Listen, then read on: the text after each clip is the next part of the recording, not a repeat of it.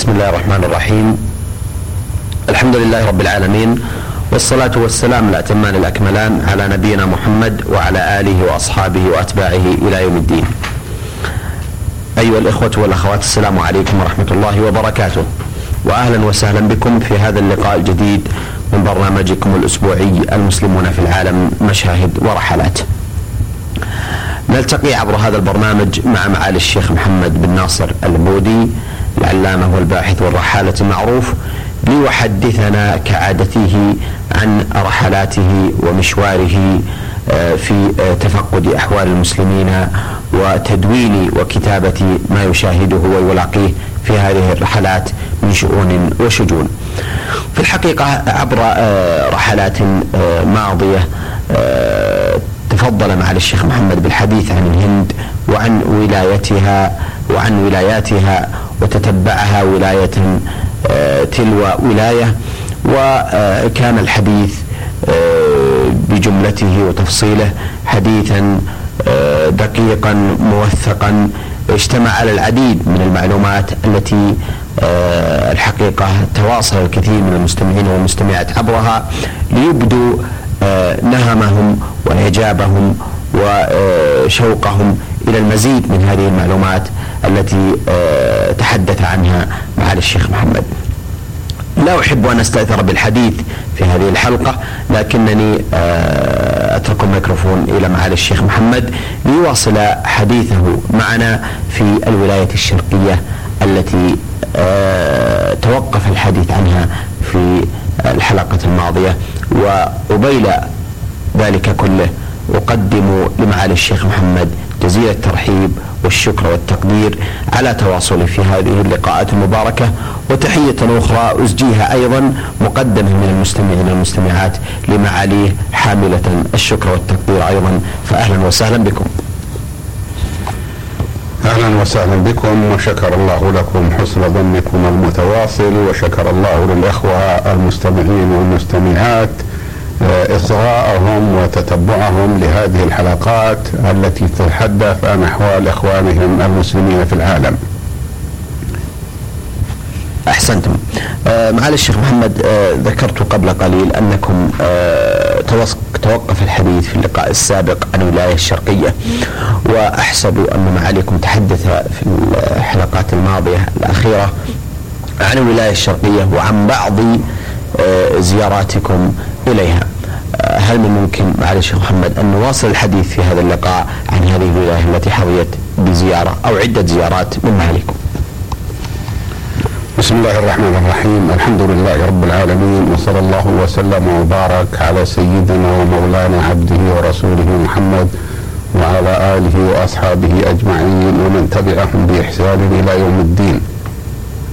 أما بعد فإن الحديث كما كرمتم وذكرتم كان عن الهند والحلقات التي قبل هذه الحلقة كانت عن شرق الهند وستكون إن شاء الله هذه الحلقة وربما أيضا الحلقة التي بعدها عن ولاية آسام في شرق الهند وهي الولاية الأخيرة التي سنتكلم عليها أو سنتكلم آه، في موضوعها.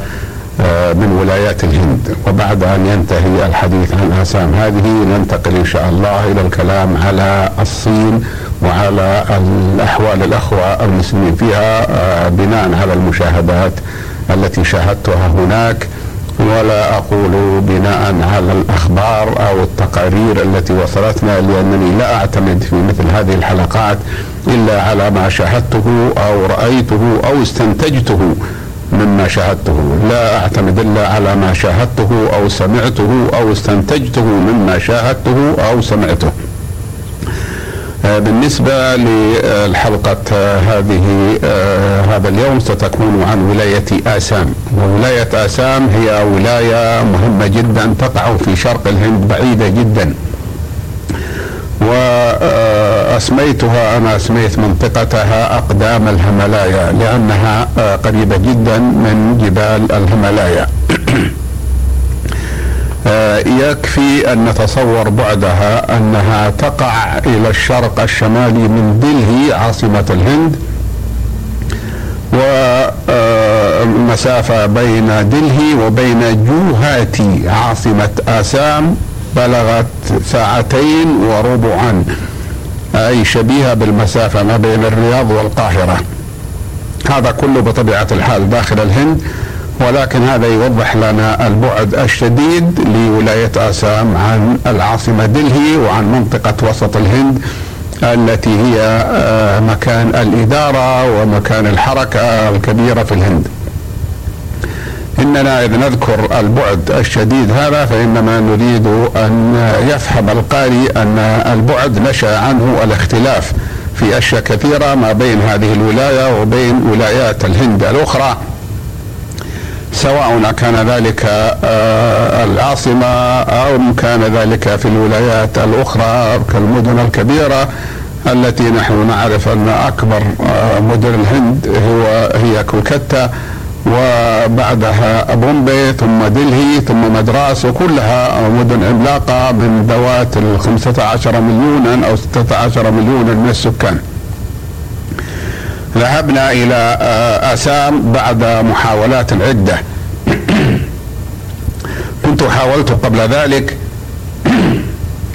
أن أذهب إلى آسام ولكن آه، بعد أن قطعت التذكرة ثلاث مرات. ليس المراد ثلاث مرات في رحلة واحدة وفي وقت واحد. وإنما المراد ثلاث مرات في ثلاث مناسبات. لا أقول أن المحاولة آه، للسفر إلى آسام تمت آه، ثلاث مرات في رحلة واحدة ولكن كنت أنتهز الفرصة إذا وصلت إلى الهند لحضور مؤتمر من المؤتمرات أو اجتماع من الاجتماعات أو لمجرد إيصال المساعدات من بلادنا بلاد الحرمين الشريفين إلى الهند كنت في كل مرة آه، أذهب وأحاول أذهب إلى قرب. أسام وأحاول أن أصل إلى أسام ولكن لم يتيسر ذلك لأن الحكومة الهندية كانت قد اعتبرت آسام ولاية مغلقة على الأجانب والسبب في ذلك أن فيها حركة انفصالية لجماعات أصلاء من أهلها يقال لهم البودو وهم يقاتلون الحكومة الهندية قتالا شديدا والسبب في ذلك أن ولاية آسام تختلف عن بقية ولايات الهند من حيث اللغة ومن حيث عنصر بعض السكان. ما عدا الذين هاجروا من الهند وإنما سكان الأصلاء يختلفون عن بقية السكان الذين يقطنون في الهند. ثم إن هذه الولاية ولاية اسام ولاية واسعة شاسعة كثيرة الخيرات. فمثلا آه، تبلغ مساحتها 578 ألف كيلو متر وزيادة على ذلك 438 كيلو وهي كلها خصبة ومنتجة ففيها الأرز وفيها الزراعات الأخرى المهمة ولكن فيها أيضا معادن مهمة ومن أهمها البترول وفيها أيضا الشاي. فهي المصدرة الأولى للشاي وجميع ما نراه مكتوب عليه بأنه الشاي الهندي الفاخر هو من آسام حقيقة أن هناك ولايات مثل ولاية كيرالا تنتج قليل من الشاي لكن هذه تنتج أكثر. بالإضافة إلى ذلك تنتج النفط اللي هو البترول. لذلك أراد أهلها ويريدون أن يستقلوا بها ويريدون ولذا يحاربون الحكومة. ولذلك صارت البلاد غير آمنة. وأغلقت الحكومة الهندية تلك البلاد عن الأجانب فلا تسمح لأي أجنبي يذهب إليها إلا بإذن من وزارة الداخلية الهندية. حاولت في المرات السابقة الثلاث التي ذكرتها والتي كنت قد قطعت اي اشتريت تذكرة تذكرة السفر إليها أن أحصل من الحكومة الهندية على آه الإذن بواسطة السفارة السعودية فذكروا أن ذلك يستغرق وقت لأن الحكومة الهندية تكتب إلى حكومة آسام تسألها فكان قالوا يحتاج إلى أقل شيء أسبوعين أو ثلاثة أسابيع وهذا أمر لا أستطيع أن آه أتحمله لأني لا أستطيع أن أجلس في الهند بدون عمل لمدة يوم أو يومين فضلا عن أسبوع أو أسبوعين. ولكن الله سبحانه وتعالى يسر بأننا آه، اجتمعنا بأخ لنا كريم اسمه محمد بدر الدين أجمل. وهو من أهل عسام وتاجر من تجار العود والأطياب آه، وتجارته رائجة ومحلاته معروفة في البلدان العربية فضلا عن الهند. فهذا الرجل من أهل آسام ومن الذين يتبرعون للخير ومهتمين بالشؤون الإسلامية ولديهم مساجد ومدارس ينفقون عليها وحتى دور أيتام. آه، فذكر أنه أن الحكومة الحكومة المحلية في آسام قد تغيرت آه، منذ فترة ورئيس الوزراء فيها قد جدد له آه، صلاحية تولي الوزارة بسبب نفوذ الأخوة المسلمين آه، هناك لأن فيهم أثرياء وعلى رأسهم الأخ بدر الدين أجمل وأسرته. قال ونحن نتصل بالحكومة والحكومة المحلية في أسام ونهيئ لكم كل شيء. ما عليكم إلا أن تأتوا وستكونون ضيوفا على الحكومة فيما يتعلق بغير النفقة. بمعنى أن الحكومة قد أنزلتنا في دور الضيافة عندها ولكن هذا ليس مهم لنا آه، وإنما المهم أن الحكومة يسرت لنا الحراسة فجعلت معنا آه، موكبا مسلحا وامرت كل مدينة نأتيها أو منطقة التي تتالف من عدة قرى أو عدة مدن ولها حاكم واحد مثلا أن يذهب معنا ذلك الحاكم في موكبنا وكان الموكب مؤلف من أربع سيارات إلى خمس سيارات ولا يترك يتركنا حتى يسلم يسلمنا إلى حاكم المدينة التي بعدها التي نحن متجهون إليها. فهذا كله مما حدا بي أن أذهب إلى هناك وهذا من تيسير الله سبحانه وتعالى وبالفعل ذهبنا إلى من دلهي إلى آسام بصحبة الأخ الكريم محمد بدر الدين أجمل ومعه آه الأخ شوكة علي القاسمي وهو شيخ كبير يعرف العربية كما يعرفها أبناؤها ومدرس في جامعة ديوبند في الهند. عندما وصلنا إلى آسام آه، كان آه، أكبر ما استرعى انتباهي نهر عظيم جدا تقع عليه مدينة آه، جوهاتي التي هي عاصمة آسام في الوقت الحاضر. وإن كان بعض الناس يذكر العاصمة إنها قرية كانت موجودة بجانبها واحتوتها جوهاتي. وهذا النهر اسمه ابراهما فترا براهما هو الذي يزعم الهنادك أنه الإله العظيم الذي يدبر العالم وإن كانوا يقولون إنه كان إنه يظل أكثر الوقت نائما هذا كذا قولهم والعياذ بالله من قولهم ومن نقص العقول ومن نقص الأديان.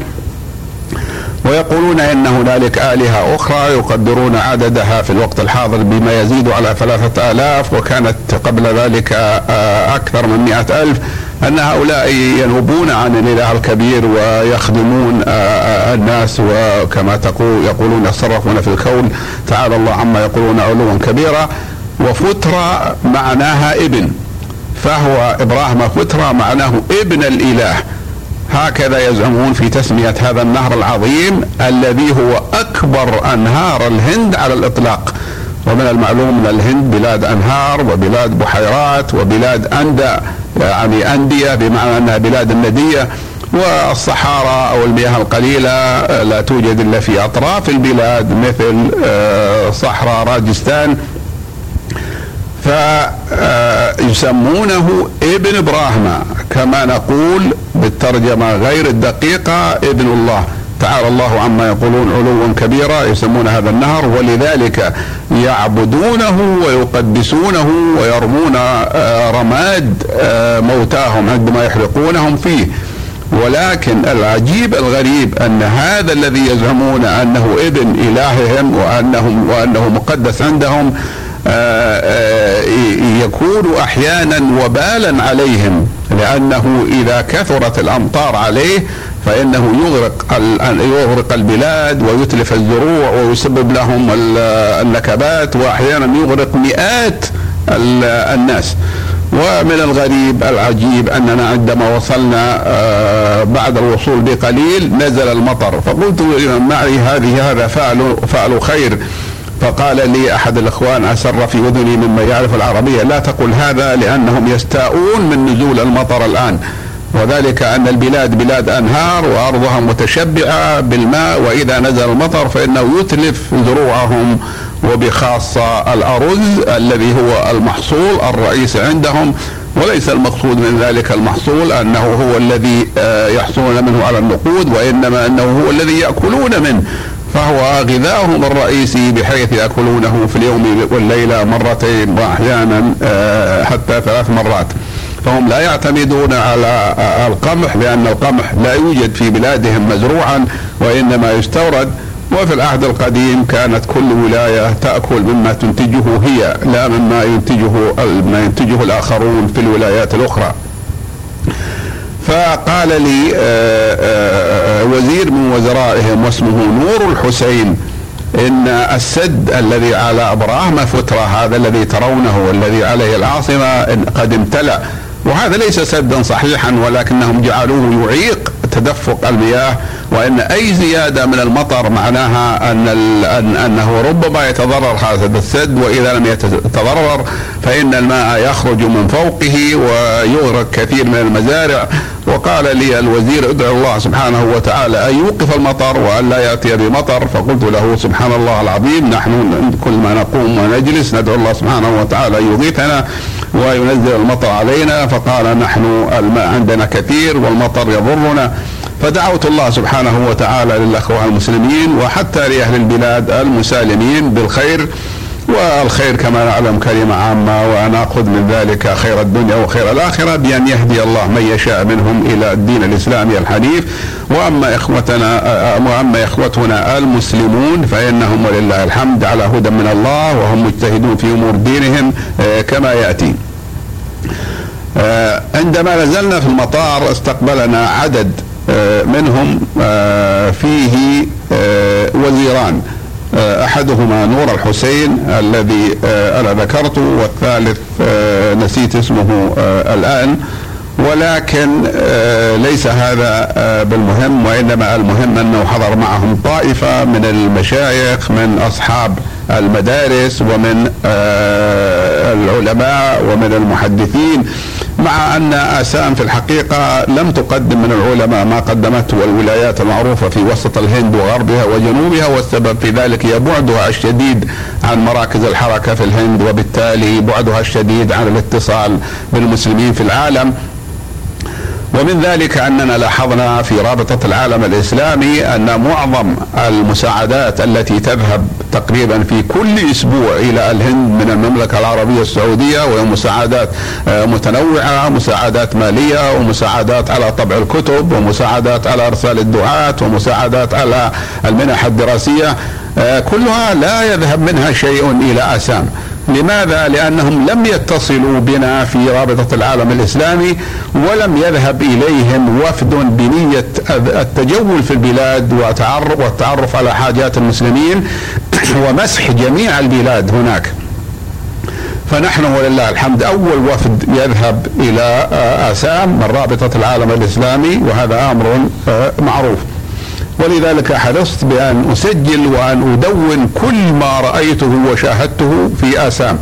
لقد تجولت في آسام ودخلت إلى سبع وستين مدينة وقرية كبيرة وعندي قائمة بها. أما القرى الصغيرة فإنني لا أذكرها.